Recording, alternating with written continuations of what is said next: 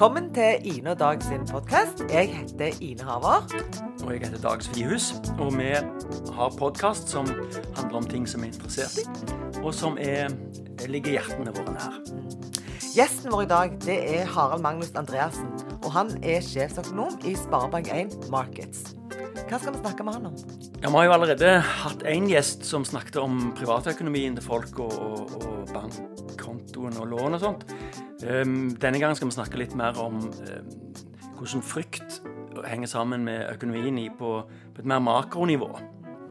For det er jo sånn at det, de to tingene som folk kanskje er mest, aller mest opptatt av i dag, det er helse og økonomi. Og de henger sammen. Folk vet jo at markeder preges av optimisme og frykt, og, og uh, aksjene henger, er jo, henger jo sterkt sammen med, med, den kollektive følelsen det er for et eller annet.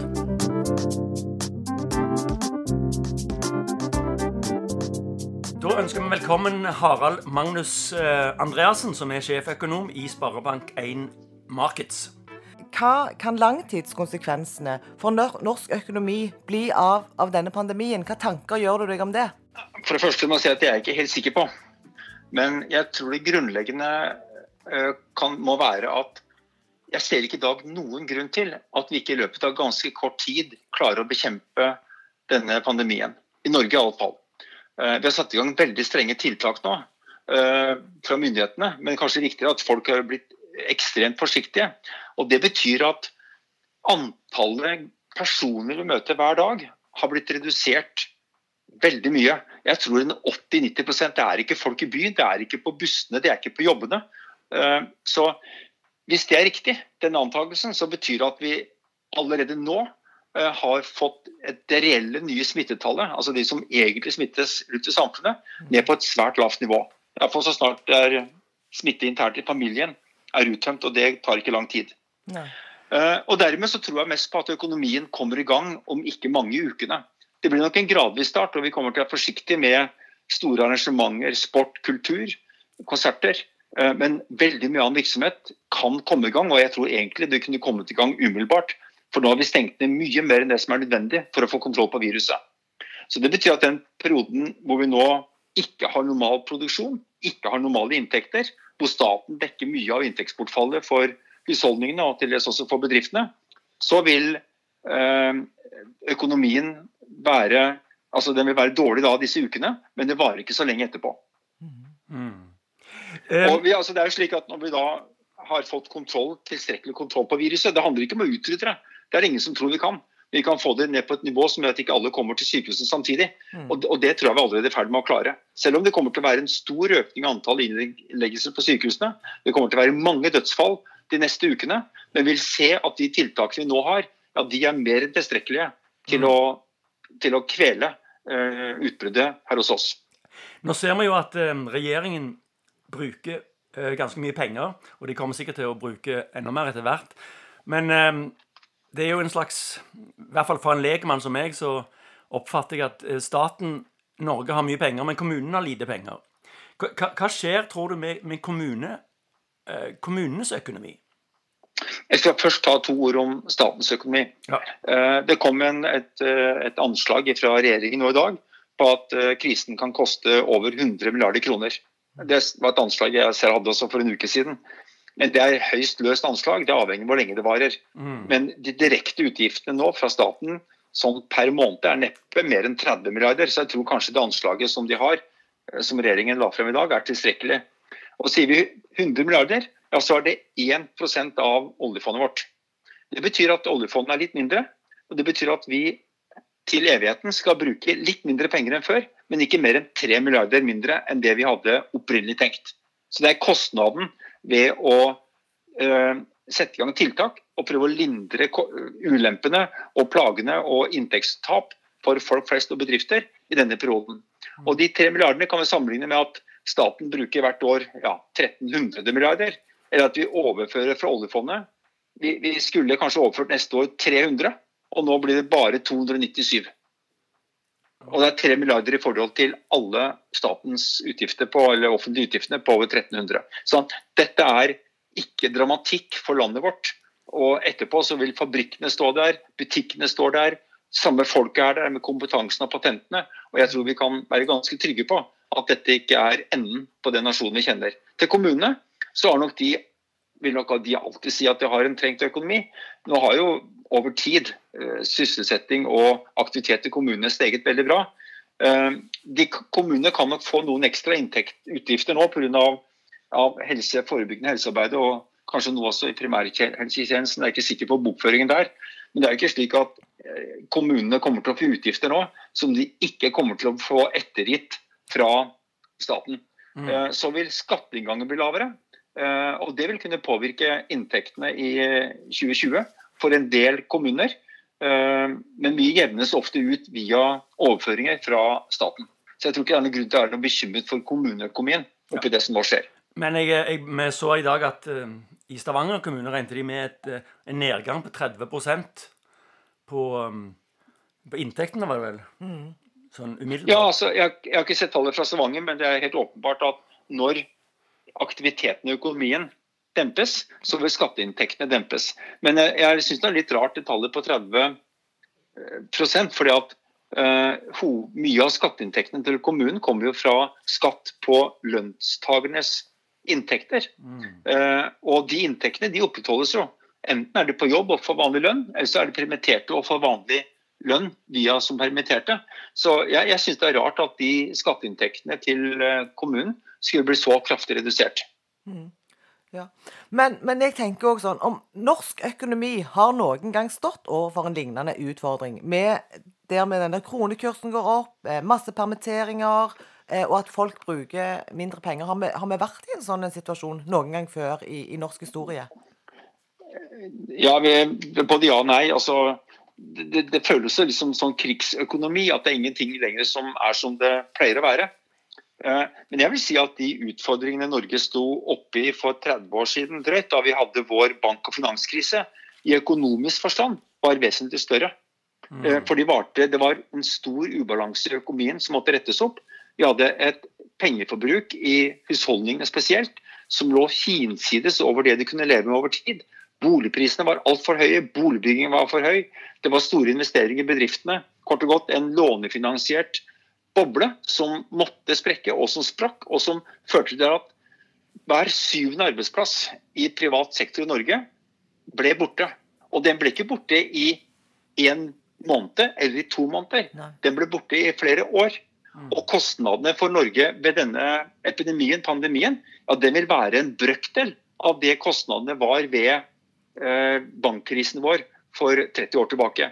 Og jeg tror også i og for seg at Hvis vi ganger dybden av nedturen med tiden vi er nede altså Tapet er ikke bare at vi nå får Jeg tror vi har gått på 20-25% arbeidsledighet. altså Det er de permitterte som bedriftene nå kan kaste gratis inn på statens regning.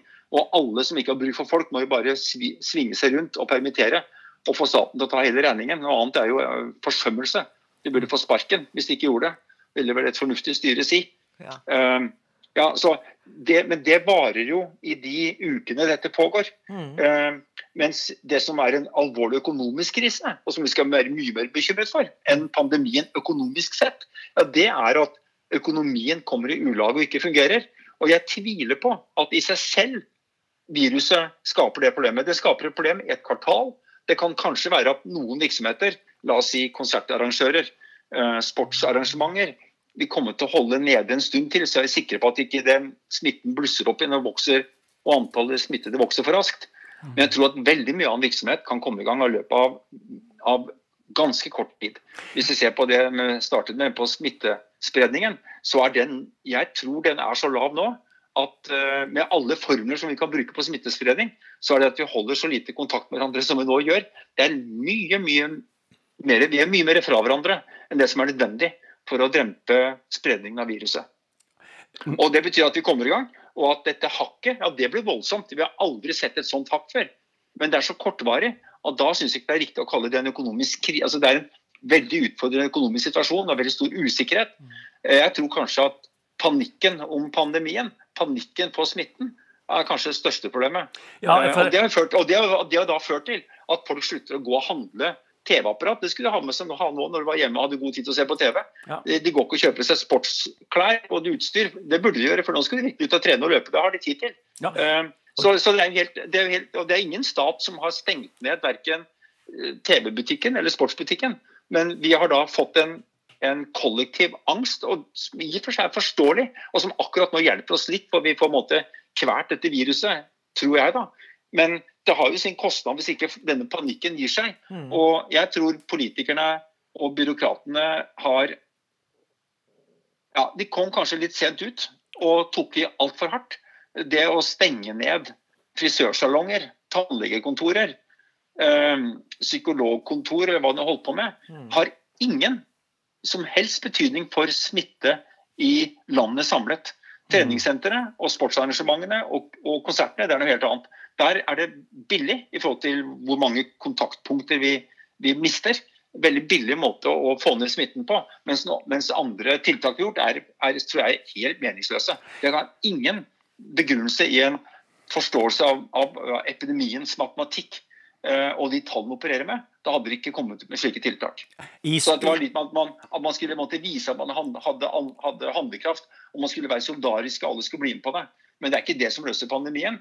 Og epidemi- epidemi- epidemien er at vi, at vi gjør rasjonelle valg, og at vi ikke bruker symbolhandlinger og tror at det løser noe problem. Tvert imot, det skaper flere og helt unødvendige for veldig mange folk i dag.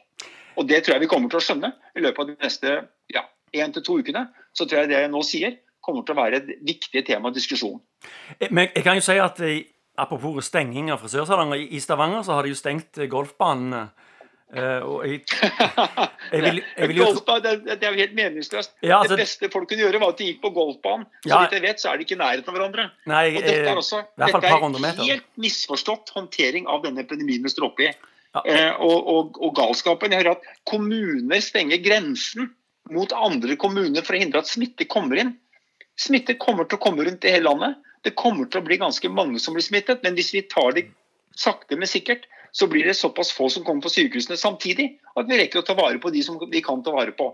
Ja, og så vil det være en del eldre som kommer til å dø tidligere enn ellers ville gjort. Og det skjer hver, hver eneste år når vi har influensa. Mm. Og dette kan bli noe verre. Kanskje. Det er ikke sikkert. Men det er ikke sånn at dette er en svartedauden eller spanskesyken eller en katastrofe. Den er veldig ubehagelig. Det må bremses ned. Men gjør vi det, så er dette høyst håndterbart for oss. Så er det jo, altså jeg hører jo at det er veldig mye ulike meninger om dette, ikke sant? At eh, noen mener at det, det bør opprettholdes, det burde vært enda strengere. Eh, så det er jo på en måte ulike, like tanker om det. Jeg, jeg sjøl har jo vært veldig opptatt av at det skulle være strengt, men sånn som Dag sier, hvorfor kan ikke han gå på golfbanen? Det er godt for den psykiske helsen òg, det. Og på en måte Ja, gå ut og og det har ingen smittekonsekvens. Nei. Jeg tror det er Så- så solidaritet det- det- mellom dette, altså, det, det, det, det vi gjør nå, det er ma massesuggesjon. Eller altså Og jeg skjønner angsten. Jeg skjønner angsten. Mm. Men jeg må si at dette er ikke Altså, vi har hatt SARS i 2003. Eh, vi har hatt eh, MERS noen år senere, som var måtte, noe tilsvarende sykdommer eh, fra i Midtøsten og i, eh, i, eh, i Kina. Mm. Eh, der var dødeligheten 10% og den var 40% på MERS. 10 på SARS og 40% på MERS. Ebola, som vi hadde i, eh, i Afrika, der var, der var eh, dødeligheten eh, altså opp i 100 hvis du fikk en. Det var altså livsfarlig. Mm. Men, men jeg tenker Denne, men denne, denne sykdommen, eh, korona, den har en dødelighet sånn ca. på 0,5% Og det er mer enn influensa, for den har dødelighet på 0,1% Og så blir det flere som blir smittet av korona enn av influensa. For influensa er mange av oss immune mot, mens korona er det ingen som er immune mot. Og vi har ikke vaksine ennå på noen måneder. Nei. Så dette er en alvorlig sak, og vi må bremse smitten. Men det er forskjell på å barbere seg og skjære av seg haka. Mm. Og nå har vi gått så langt at jeg, jeg kan ikke altså med, Hvis jeg setter tallene inn i de formlene som smitteforskere bruker, så så er det ikke mulig for meg å forstå at ikke smitten har kommet under kontroll allerede. Og vi kan ganske snart, når vi skjønner det, begynne å løsne opp, og at panikken glipper. Det ikke folk skjønner, dette er et problem som må løses for hele flokken, for å hindre at for mange i flokken blir syke samtidig. Hver enkelt har ikke noe stor risiko for å dø. Dette er ikke en sykdom som er farligere enn mange andre ting vi holder på med. Den er veldig skummel for eldre og svake. det de som har problemer med å puste utgangspunktet. Eh, så det er all grunn til å skjerme eldre, la oss si over 70 år. Særlig de som er på på, som er altså skrale ellers. De må skjermes så mye som mulig. Men vi gjør ikke det ved å hindre at uh, da går på golfbanen og spiller golf. Nei. Det har ingenting med andre å gjøre. Det har ingenting med om jeg går og klipper meg hos et frisør. Det har ingenting med om jeg har en time hos tannlegen. For at den, den, individuelle økningen i smitte som følge av at jeg har kontakt med noen få, det betyr ingenting for den samlede smitten i hele samfunnet. Og det er den som er det viktige. Jeg syns det er fint å, å, høre litt sånn klare tale, at noen kan tørre å si at For nå bruker vi golfbanen som eksempel. Det er ikke farlig å gå på golfbanen.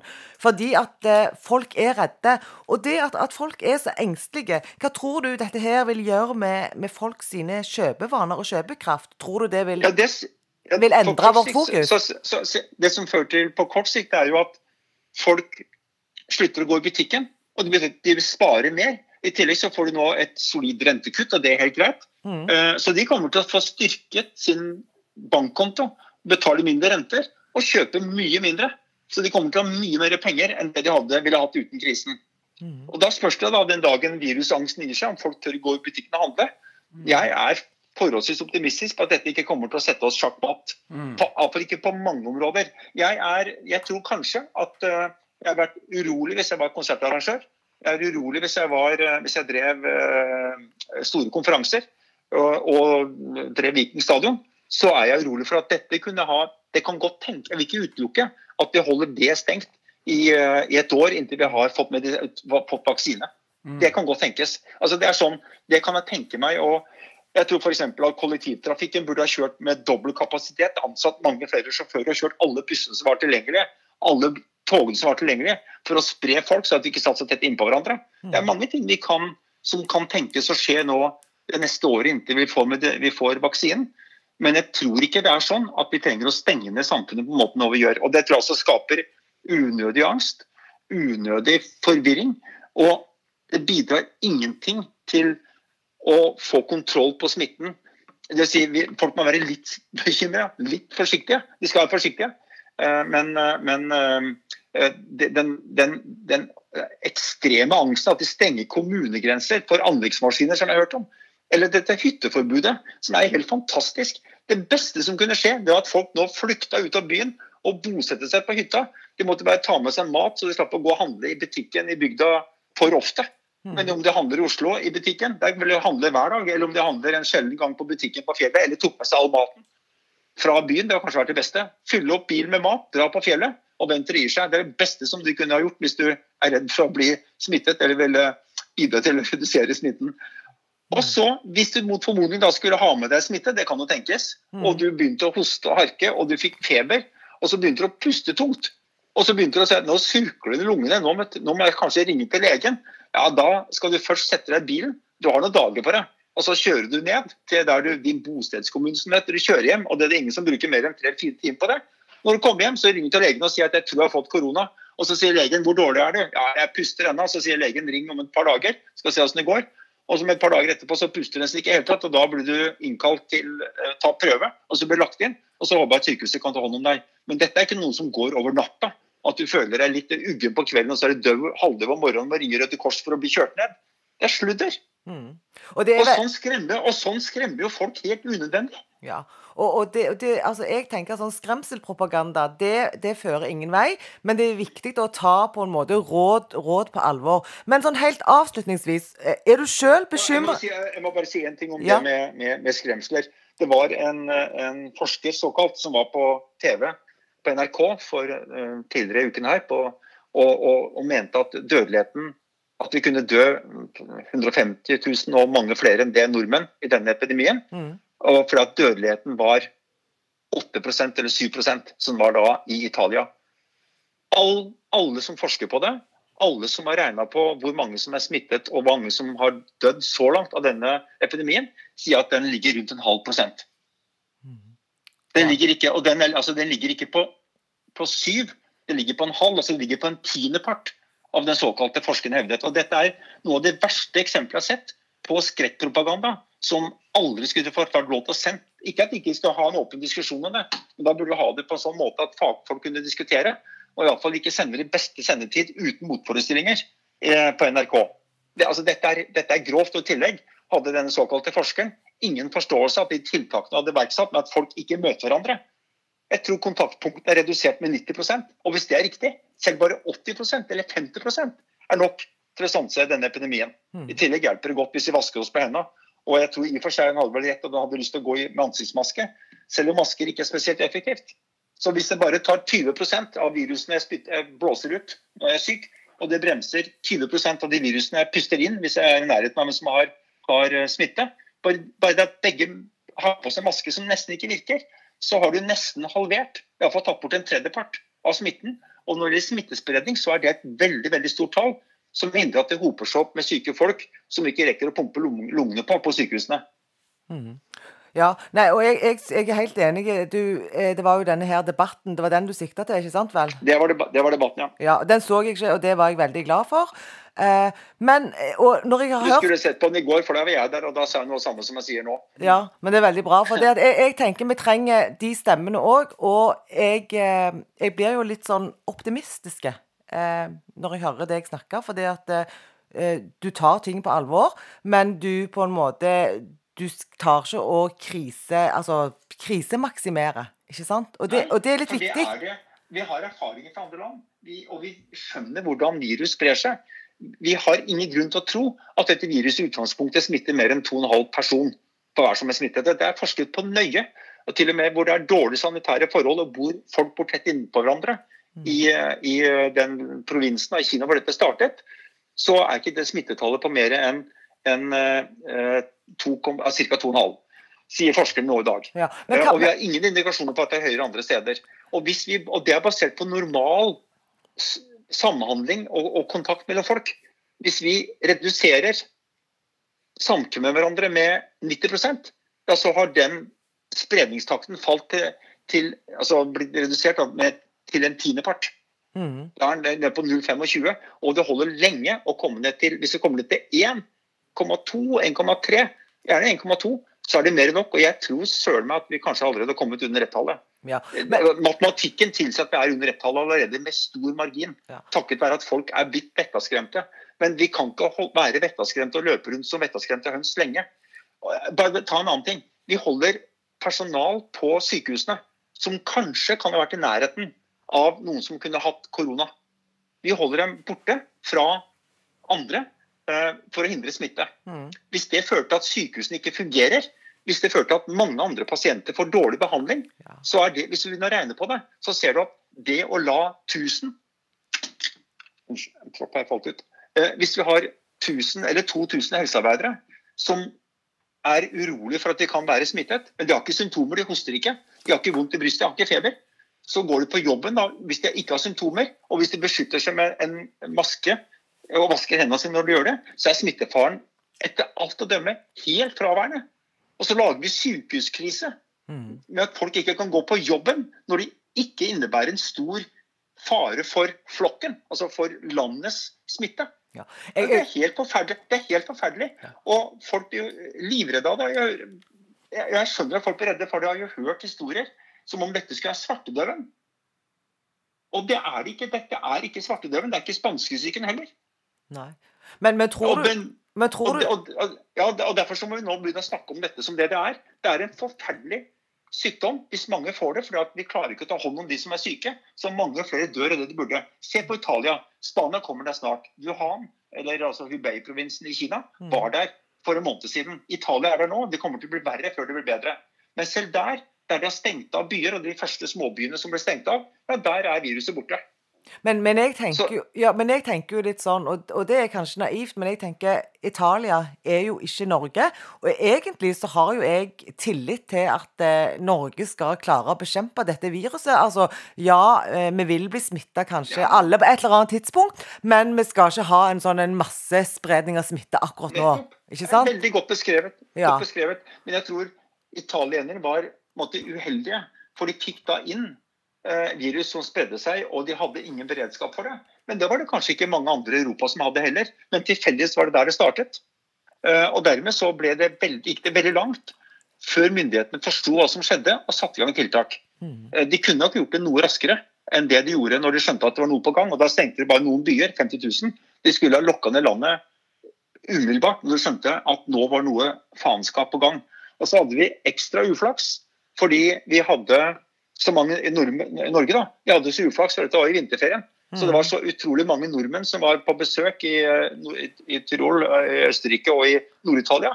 Så vi fikk jo hjem 700 personer som tilfeldigvis hadde vært sammen med da i smittebefengte eh, områder der nede. Så vi fikk på en måte sånn der sjokk inn i Norge, og særlig da i Oslo og østlandsområdet, men også i Bergen og Vestlandet og Stavanger òg. Ja. Eh, og da hadde vi, hadde vi ikke hatt det, så hadde vi nok ikke vært der vi er i dag. For da hadde vi sett at dette kan vi håndtere pent og pyntelig, men ta ned aktiviteten, ta ned kontaktpunktene mellom folk, og så er det håndterbart. Ja, for, for, jeg tror at de hadde, de hadde faktisk kommet ja, det, altså Dette kan jeg ingenting om, men bare litt altså litt rasjonell tenkning hos meg tilsier at hvis alle gikk rundt med alle hadde rikelig med masker som de brukte, vasket seg på hendene kontinuerlig, mm. eh, alle som altså var i et fellesområde utendørs med maske, ja, så hadde det bortimot vært tilstrekkelig til å få kontroll på epidemien. Ikke mm. nødvendigvis helt, men nesten. Nei. Og vet du hva, det er faktisk sånn at det er jo Oslo, og så er det eh, Innlandet og, eller, Jeg tror Stavanger ligger Rogaland ligger, ligger som nummer tre, da. For det at det ja.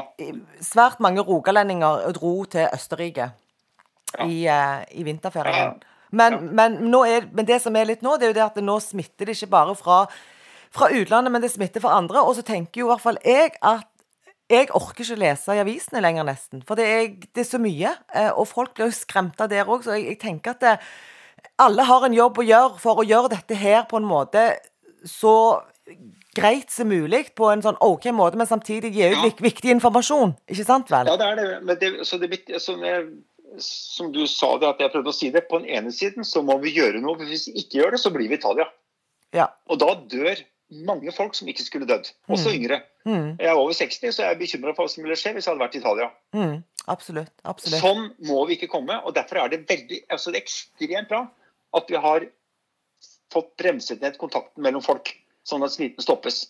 Men, så, men vi må da begynne å, å kalibrere, altså dimensjonere hvor mye skal vi gjøre det, hvor mye som trengs. Og Da tror jeg vi har gått fra én grøft, i den grad vi var i den, iallfall har vi gått til en annen nå, og vi skremmer folk på en helt unødvendig måte. Men det betinger at folk skjønner hva som skjer. Og Det var et godt tilløp av den forskeren som var på TV. Han hadde en fantastisk fin formel som vi bruker når vi skal diskutere epidemier. Men hun skjønte ikke tallene som skal puttes inn, og skremte folket massivt. Mm. På, på, et faglig grunnlag som jeg mener er all grunn til å kritisere. Og jeg har ikke møtt motargumenter ennå på det jeg sier om den saken. Eh, og Samtidig så må jeg klar over at vi, folk dør. Ja. Eldre dør, Det er særlig de gamle som dør. Og de dør ofte. Tusen av dem, 600-900 dør hvert år fordi at de får lungebetennelse etter influensa. Mm. Som de kalte det i gamle dager. Det var en the old man's relief, altså den gamle mannens frigjøring, nærmest. Han fikk lungebetennelse og fikk dø til slutt. Ja. Det er vemodig. og det, Men det, at det er en sykdom som tar livet av, kommer til å ta livet av mange hundre nordmenn nå, det er helt åpenbart. Men det er ikke det som er en krise, som er en, en, noe som skal skape angst for befolkningen. Hadde jeg vært nå 94 år, ligget på sykehjem, eh, hadde en forventa levealder på et halvt ett år, eh, var veldig svak og ikke kunne røre på meg. Jeg tenker på min mor, hun var, eh, ja, hun var 93 bare. Hadde hun vært på sykehjem nå og skjønt hva som skjedde, så hadde jeg vært veldig redd hvis jeg var henne, hvis jeg ikke hadde lyst til å dø. For mm. denne sykdommen ville utmerket vel ha tatt livet av henne en uke eller to måneder før hun skulle dø. Men det er det vi snakker om for veldig mange av de som dør. Og så er det dessverre også noen få i de yngre gruppene som dør. De fleste med komplikasjoner. Og det er altså sannsynligheten for å, bli død, for å dø av korona hvis du er frisk og rask og ikke for gammel, ja, den er forsvinnende liten. Mm, mm. Men da tror jeg at eh, jeg har lyst til å takke for at du tok deg tid, Harald Magnus. Og det kan godt være at hvis noen innen helse eh, hører oss og snakker, så vil de kanskje si eh, tror at kanskje noen vil si at eh, vi er ikke helt enige. Hva tenker du om det? Ja, men ja, det må det gjerne være. Men da må vi sette oss og diskutere. Dette er ikke hva vi syns, dette er ikke hva vi føler. Dette er å forstå mm. spredningsmatematikken. Ja. Og da må de vise hvordan jeg tolker det feil. Hvilke parameter, hvilke tall er det jeg gjør feil på når jeg setter inn i formelen. For mm. dette er en formel med noe usikkerhet rundt. men ekstremt god for å forklare hvordan epidemier spres. Mm. Da må de gå inn på å si hva, hvor mange dør. Jeg har lest forskningspapirer, jeg har, lest, jeg har lært så mye om dette her i løpet av de siste ukene. Ingen forskningspapirer sier at dødeligheten er 7% Ingen. Nei. Det er fordi at de er 7% i tallet fordi de ikke har vært i stand til å ta tester. Så de vet jo ikke, altså Det er vanvittig mange flere i tallet som er smittet, Mm. men de har vi ikke talt opp. Og Da kan vi ikke beregne dødeligheten når vi ikke har talt opp hvor mange som faktisk er smittet. Banalt nok. Ja. Og så må vi diskutere hvis denne spredningstakten var 2,5 på forhånd, før vi gjorde noen ting. Hva skjer i dag? Hvor mange mennesker er så nær hverandre at de kan bli smittet av hverandre? I forhold til hva det var for åtte dager siden. Mm. Mm. Den diskusjonen er ikke noe synsing. Det er ikke noe sånn derre Det er litt synsing på hvor mye lite det er, men det er ikke noe synsing hva det betyr hvis vi først blir enige om at ja, nå har vi halvert kontaktpunktet mellom mennesker. Ja, Mm. da er smittegraden halvert og problemet løst. Det er det vi må diskutere. Og jeg vil ikke ha noen diskusjon med helsefolk som ikke forholder seg til hvordan vi vet at epidemier spres. Det er et fagfelt. Jeg kan det i utgangspunktet ikke, men jeg har prøvd å forstå det nå. Og det er fascinerende, for det, du kan, det kan regnes på. Og du forstår hva som skjer med rimelig grad av sikkerhet. Eh, Og de modellene er ikke så feil at de er irrelevante på noen måte. Og den forskeren som var på TV, brukte nettopp denne modellen. Jeg ble glad for det, for jeg kjente den igjen. Men dessverre puttet inn tall som er meningsløse, og fikk en konklusjon som er i størrelsesorden ekstrem feil i svar. Ja, Det må man kunne diskutere, og den debatten tar jeg med alle helsefolk som de vil stille opp med meg. ja, veldig bra. Og jeg blir jo litt har jo blitt litt sånn eh, optimistiske etter denne samtalen. Og da vil jeg bare takke for at du tok deg tid til å, å snakke med oss. Bare hyggelig.